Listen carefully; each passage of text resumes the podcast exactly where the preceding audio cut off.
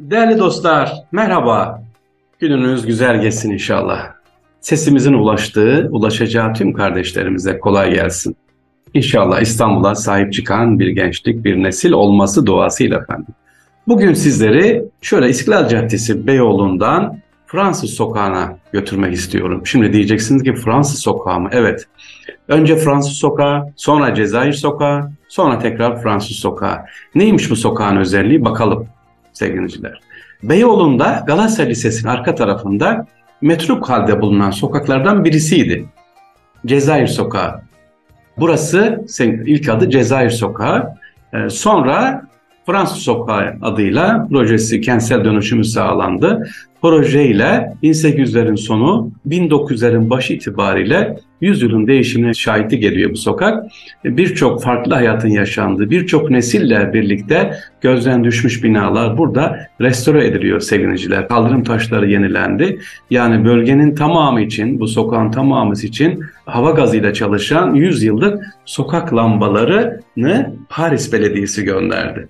Peki ama karıştırdım mı ben? Fransız sokağı diyorum, yok bir de Cezayir sokağı diyorum. İşte onun hikayesi sevgiliciler. İlk adı aslında Fransız sokağı ama burası özellikle Cezayir'in Fransa'dan bağımsızlığını ilan etmesinde o çalışmadan sonra Türkiye'nin bir İstanbul'un desteği olarak sokağın adı Cezayir Sokağı olarak bir müddet sevgiliciler değiştirilmişti. Fransız sokağındaki bu sokağa girdiğiniz zaman binaların neredeyse tümü pembe ve sarıya boyanmış buradaki restoranların, buradaki el işi atölyeleri, antikacı, buradaki dükkanların büyük bir çoğunluğu sevgiliciler, sergiler özellikle var. Sanat meydanı gibi, açık hava sergisi gibi. Yani kendinizi gittiğiniz zaman gerçekten bir Fransız ya da bir Şanzelize, Paris'i biliyorsanız gidenler, aa burası öyle diye hissedeceksiniz. Fransız sokağının merdivenleri, mozaikler, peyzaj çalışmaları aynen dediğim gibi Fransa'daki gibi düzenlenmiş. Oturma alanları da dahil. Gidip orayı görebilirsiniz. Buradaki yer taşları Paris'ten gelen mimarlarla çalışılarak düzenlenmiş seviniciler. Sokağa adını veren Fransızlar e, Beyoğlu'nda da çok önemli izlere sahip. Beyoğlu'nun ilk kahvehaneler, ilk oteller, ilk sinema ve tiyatrolar 19. yüzyılda Fransızlar tarafından kurulmuş burada. Sokağın sol tarafındaki binaların tümü 1890-1910 yıllar arasında İstanbul'da yaşamış Karaköy ve Eminönü rıhtımlarını inşa eden Fransız mühendis, müteahhit aynı zamanda Marius Michel'in imzasını taşıyor. Ayrıca ünlü Fransız ressam Albert Millin de 1950 yıllarda bu bölgede yaşamış Fransız kültürünü yansıtmayı hedefleyen sokakta dediğim gibi değişik dükkanlar orada bulunuyor. Türkiye'nin ilk temalı sokağı diyoruz. Cezayir Sokağı ve Cezayir çıkmazı olarak biliniyor sevgiliciler. Ama dediğim gibi neye Cezayir demiştik? Cezayir'in bağımsızlığından dolayı desteklemek için bu isim verilmiş. Türkiye'de ilk te- temalı sokak burası ve Türk, Cezayir ve Fransız dostun ifadesi olarak sonra da birleşiyor. İşte Türk, Cezayir ve Fransız. Bunların izlerini burada e, görüyorsunuz. E, peki neden burası? Niye Fransız diyoruz buraya? Çünkü Kanuni Süleyman Pera'yı Fransızlara ilk daimi elçiklerini kurmalar için vermiş sevgiliciler. Pera'ya yani bugünkü Pera dediğimiz e, Galata Kulesi'nin olduğu yere ilk daimi elçilik iznini veren Kanuni Sultan Süleyman kime vermiş? Fransızlara. Onun için sokağın olduğu yere Frans Sokağı ismi ta eskiden oradan geliyor. Fransızlar 16. yüzyıldan itibaren bölgenin gelişimine de tanıtmışlar, öncülük etmişler. Hatta 19. yüzyılda Pera'da belediye başkanlığı yapan, evet 19. yüzyılda Pera'da belediye başkanlığı yapan Fransızlar bile olmuş sevgiliciler. Cezayir sokağı veya Fransız sokağı zamanla eski görkemini kaybetse de içindeki Fransız etkilerini korumuş. Özellikle antikacı, eski antika kitap ve burada gittiğiniz zaman bunları ne yapabilirsiniz? Burada görebilirsiniz sevgili dinleyiciler. Başka Beyoğlu'na şöyle gittiğimiz zaman nereleri görebiliriz? İstanbul'un en eski diyebileceğimiz gökdeleni var mı? Evet ilk gökdelen en eski demeyin ilk gökdeleni nedir? O da kule. O döneme göre çok aa, büyük bir devasa yapı işte Fatih'ten bakıyorsunuz görünüyor. İstiklal Caddesi'nde büyük bir bina. Şimdi tabii onun yanında küçük kulübe gibi kaldı. O da kuleydi. Oradan geçerken görebilirsiniz sevgili dinleyiciler. İstiklal Caddesi'nde görebileceğimiz neler var? E, işte efendim e, pasajlar var. O pasajlara girmenizi istiyorum. Görün eski dönem pasajlar.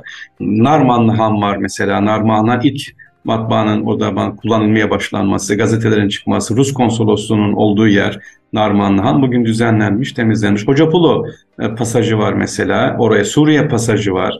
Sevinici iki sokağı birbirine bağlayan. E, şöyle Fransız konsolosluğundan çıkıp işte Galatasaray'a doğru yürürken sağda ve solda göreceğiniz pasajlar var, hanlar var, eski dönemin hanları. Kafanızı bir kaldırın, binalara da bakın. Eski binaları görürsünüz. Bir de yanına yapılan yeni binalar var tabii. Hiç dikkat etmemişiz. En üzüldüğüm nokta da bu İstanbul'u gezerken. Yani İstiklal Caddesi'ndeyiz, Beyoğlu'ndayız. 100 ee, yıllık, 150 yıllık binalar var.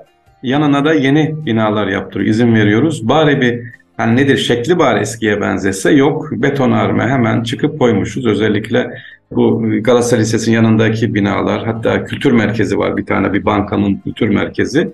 Mimari yapı hiç uydurulmamış sevgiliciler. İstanbul'da İstiklal Caddesi'nde e, sanat meraklıları olanlar varsa ana cadde üzerinde gidebilirler. Ben de zaman zaman gidiyorum. Özellikle e, Taksim Camii'ne uğradığımız zaman orada güzel sergiler var. Taksim Camii'nin kültür merkezinde, altta girişte. Oraya da uğramayı ihmal etmeyelim sevgiliciler.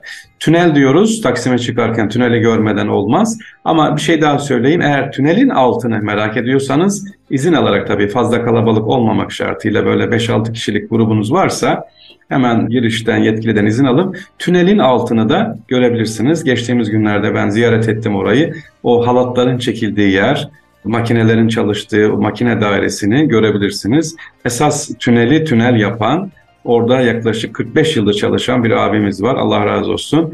Bize orayı gezdirdi, gösterdi. Siz de eğer yolunuz düşerse, ekip varsa ya da sevgili anne babalar, öğrencilerle, çocuklarınızla gitmek istiyorsanız dediğim gibi tünele bir gezin. Tünel çıkışında, Taksim çarapı çıkışından da tünelin alt tarafındaki o makine dairesini görebilirsiniz. İzin alarak da müsaade alarak görebilirsiniz halatların nasıl çekildiğini. İstanbul'da dediğim gibi İstanbul'a sahip çıkarak merak ederek neler var neler görebilirsiniz orada. İnşallah ileride böyle yine yapılıyor sevindim ona. Yeni müzeler de var. Mevlevi Hane var. Mevlevi Galata Mevlevi Hanesi Müzesi var. Ee, sevinici. Orası da açık. Orayı da ziyaret edebiliriz. Girdiğimiz zaman Galata Müzesi'ne, Mevlevihane'ye İbrahim Müteferrika'yı ziyaret etmeden olmaz. İbrahim Müteferrika kim? İstanbul'a ilk matbaayı Osmanlı'ya diyelim getiren kendisi Allah rahmet eylesin. Onun mezarı da oradadır. Mevlevihane'nin girişinde solda e, görebilirsiniz. Genişçe zaten orada yazıyor.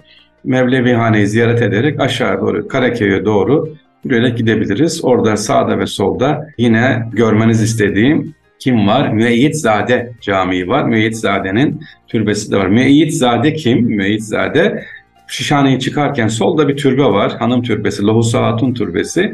Bu hanımefendi hamile iken e, işte vefat ediyor. Fakat vefat ettikten sonra mezardan bir ses duyuyorlar. Bakıyorlar ki hamile iken çocuk e, doğmuş, vefat etti ama doğmuş ve annesinden o birkaç gün süt e, emiyor. Ondan yaşıyor. Onun için müeyyidzade yani yaşayan ölü müeyyit diye padişahın koruması altına geliyor. Sarayda hizmetlerde bulunuyor ve buraya Müeyyitzade Camii'nin olduğu eski binayı tabi sonradan yıktırılmış, yeniden yapıldı. Mezarı da orada. Annesininki de Lohusa Hatun Şişhane'de sevgiliciler. İstanbul sadece dediğimiz gibi taşlardan, binalardan oluşmuyor sevgiliciler. Sanat da var, kültür de var. Başka neler var? Muhabbet, sohbetler de var. İnşallah bir ara İstanbul beyefendilerine inşallah bulduk öyle bir çalışmamız da var. Onlarla sizi bir araya getireceğiz, röportajları yapıyorum. İstanbul beyefendilerini yaşayan kültürü de size anlatacağız. İstanbul'un sırlarından hepinize selam ve sevgiler efendim. Allah'a emanet olunuz. Kolay gelsin.